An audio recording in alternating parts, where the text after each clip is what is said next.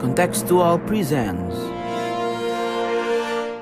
Halo teman-teman, apa kabar? Ketemu lagi di sesi Soft One edisi tahun baru 2023 Walaupun agak telat sedikit Semoga tahun 2022 yang berlalu membawa banyak pelajaran Dan tahun 2023 yang hadir ini menghadirkan banyak harapan Seperti kita-kita juga, rupanya Kementerian Luar Negeri Republik Indonesia juga punya tradisi unik yaitu uh, pernyataan pers tahunan Menteri Luar Negeri yang pada tahun ini disampaikan oleh Bu Retno pada tanggal 11 Januari 2023. Dalam pernyataan pers tahunan Menteri Luar Negeri tersebut, Bu Retno menggambarkan apa saja yang sudah dicapai pada tahun 2022 dan apa yang direncanakan untuk tahun 2023 semacam resolusi tahun baru punya kita-kita lah ya.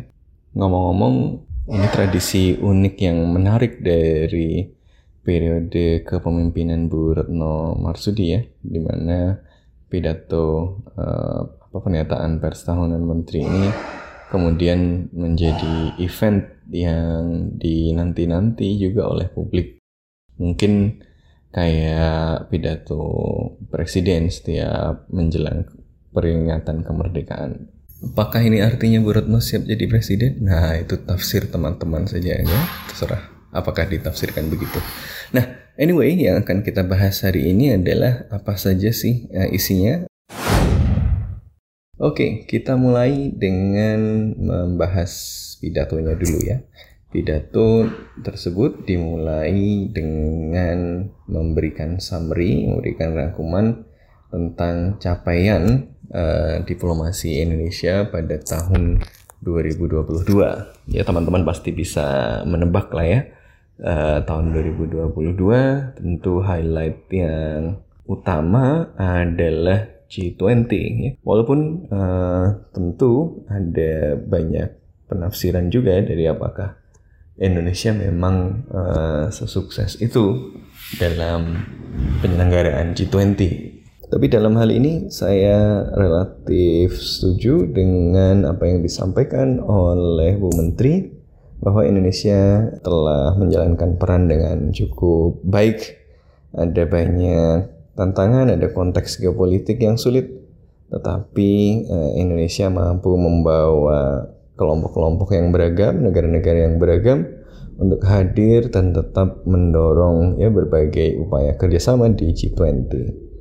Makanya menarik kalau uh, Bu Menlu ini juga meminjam ucapan dari orang lain ya, bukan memuji diri sendiri tapi meminjam ucapan dari Sekjen PBB Antonio Guterres yang dikutip di sini dengan I think in a very difficult context in which geopolitical divides have reached a climax Indonesia has demonstrated an enormous capacity to bring parties together, to promote dialogue, and to try to push for solutions.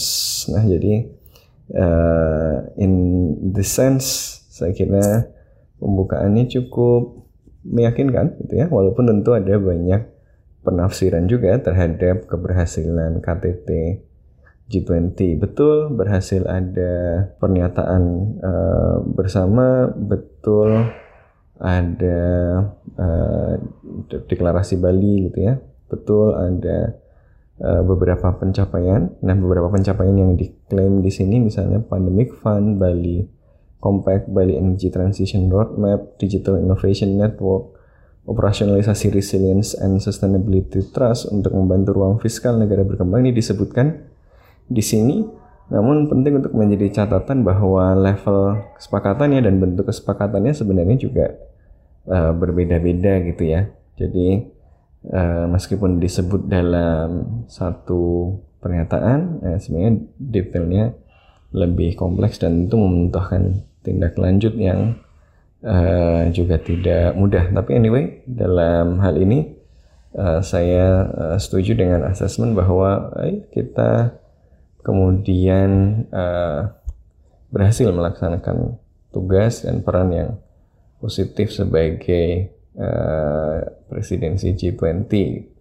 Tapi mungkin juga perlu terlalu overblown juga gitu ya.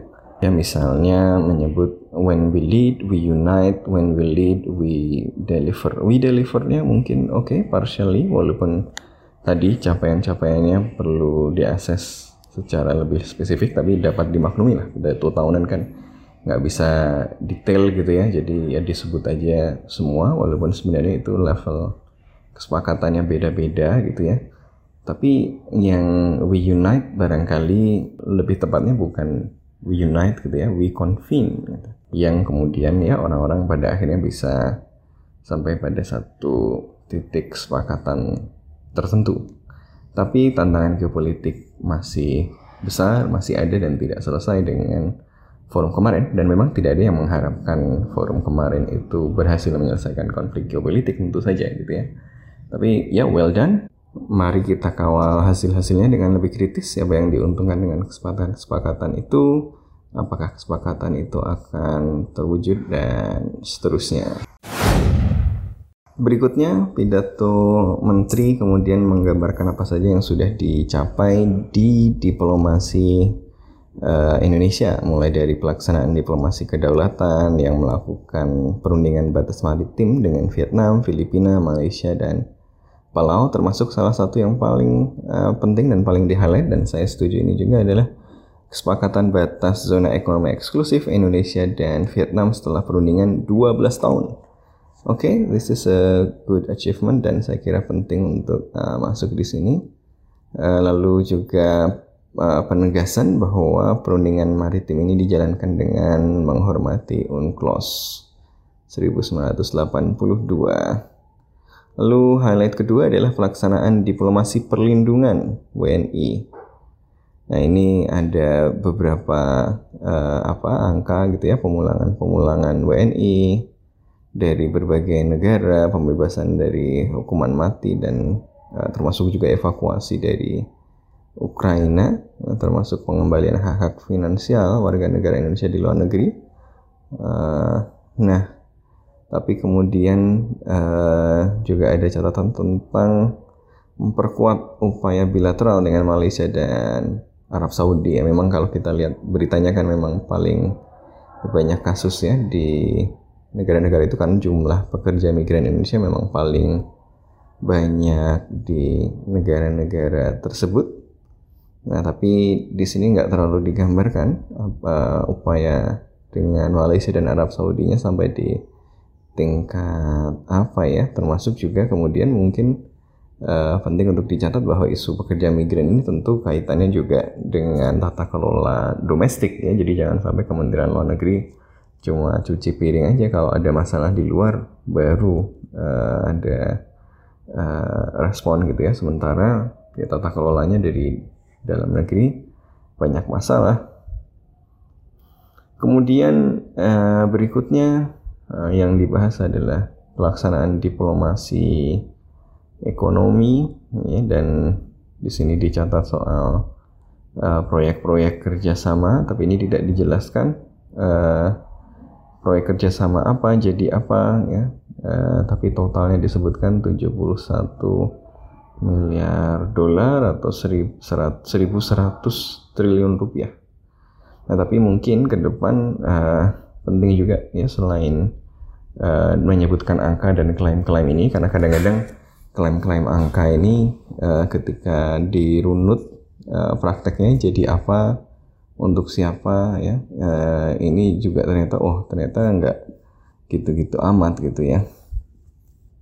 Kadang-kadang ngitungnya ya yang penting kelihatan angkanya besar gitu. Jadi bagus juga kalau bisa kita cek nih 71 miliar dolar ini jadi apa saja tapi ini ada yang konkret disebut adalah Just Energy Transition Partnership 20 miliar dolar Amerika Serikat atau 312 triliun rupiah. Nah ini juga perlu dikawal nih kemudian jadi apa.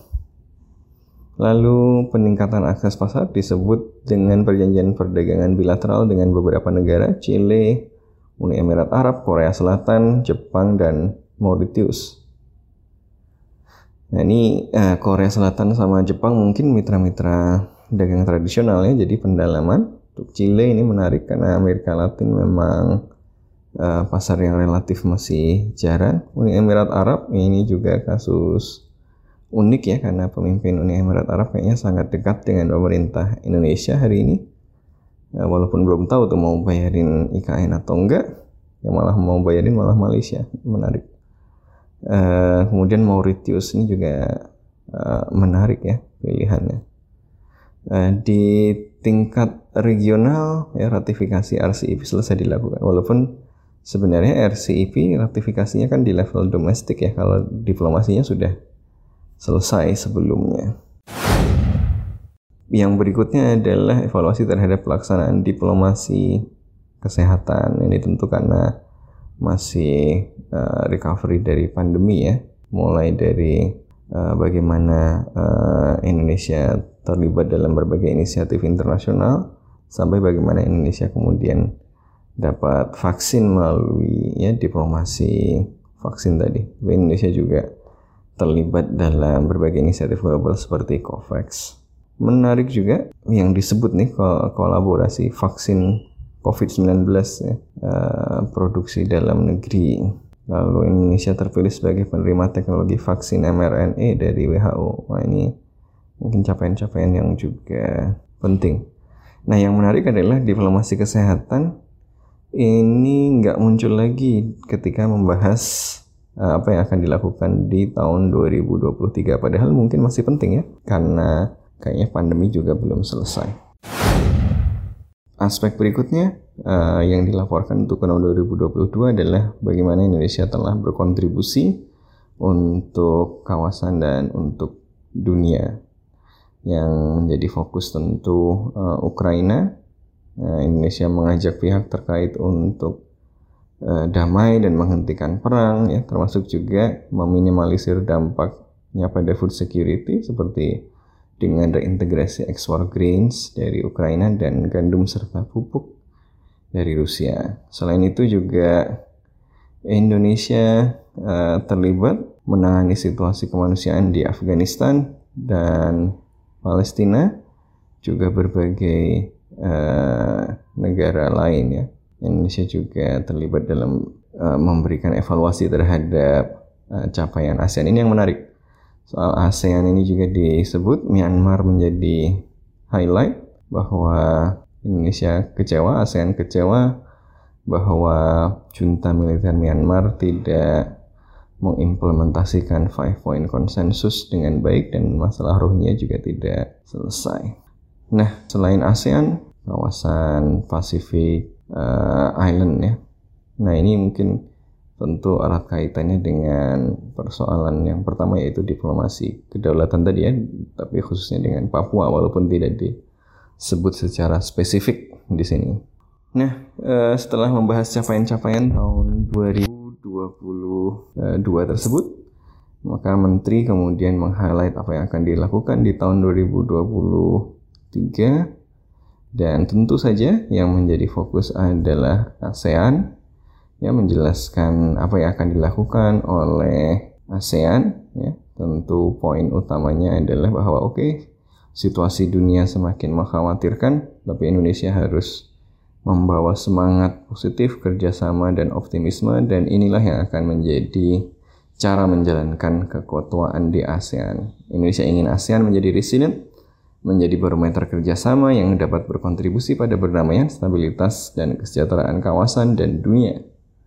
Nah ini kemudian uh, Bu Menteri menjelaskan uh, slogan ASEAN dalam keketuaan Indonesia, ASEAN Matters, yang intinya ingin menegaskan sentralitas ASEAN ya memperkuat sentralitas ASEAN. Lalu epicentrum of growth ya, menjadikan Asia Tenggara sebagai pusat pertumbuhan ekonomi karena story ASEAN yang utama itu adalah uh, ekonomi dan para ekonom melihat bahwa pada saat kondisi ekonomi dunia mengkhawatirkan ASEAN akan jadi salah satu bright spot jadi sebenarnya menarik gitu ya sebagai sebuah tagline, sebagai sebuah uh, slogan uh, ASEAN Matters, Epicentrum of Growth ini rasanya kok lebih deskriptif gitu. ASEAN Asia Tenggara sudah menjadi epicentrum of growth gitu kan, sudah disebut sebagai uh, bright spot di tengah yang lain lagi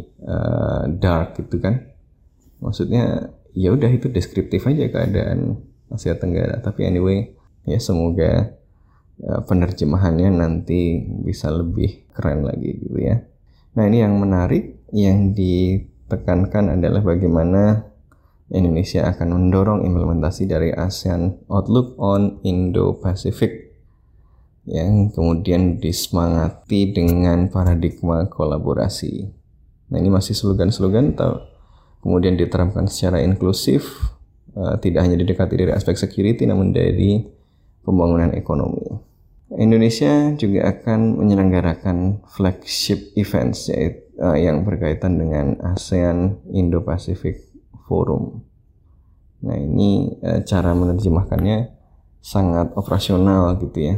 Mungkin nanti apa uh, perlu uh, apa ya penjelasan di level yang lebih Uh, di antara yang operasional eventnya tadi flagshipnya dengan gambar besarnya di ASEAN Outlook on Indo Pacific dan paradigmanya. Juga soal isu Myanmar ya Indonesia bertekad membantu semaksimal mungkin mengeluarkan Myanmar dari krisis politik salah satunya dengan membuat Office of Special Envoy lalu kemudian ya mendorong engagement dengan semua stakeholder termasuk kemudian bagaimana Indonesia bisa eh, ASEAN bisa mengakses melanjutkan bantuan kemanusiaan.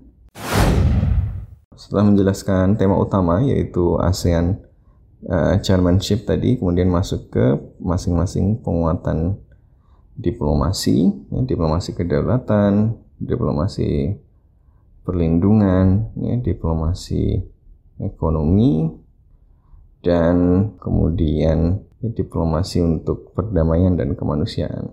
Ya, tapi yang menarik tadi diplomasi kesehatan tidak lagi secara spesifik ditulis gitu ya, walaupun mungkin juga bisa diintegrasikan dalam diplomasi perdamaian dan kemanusiaan.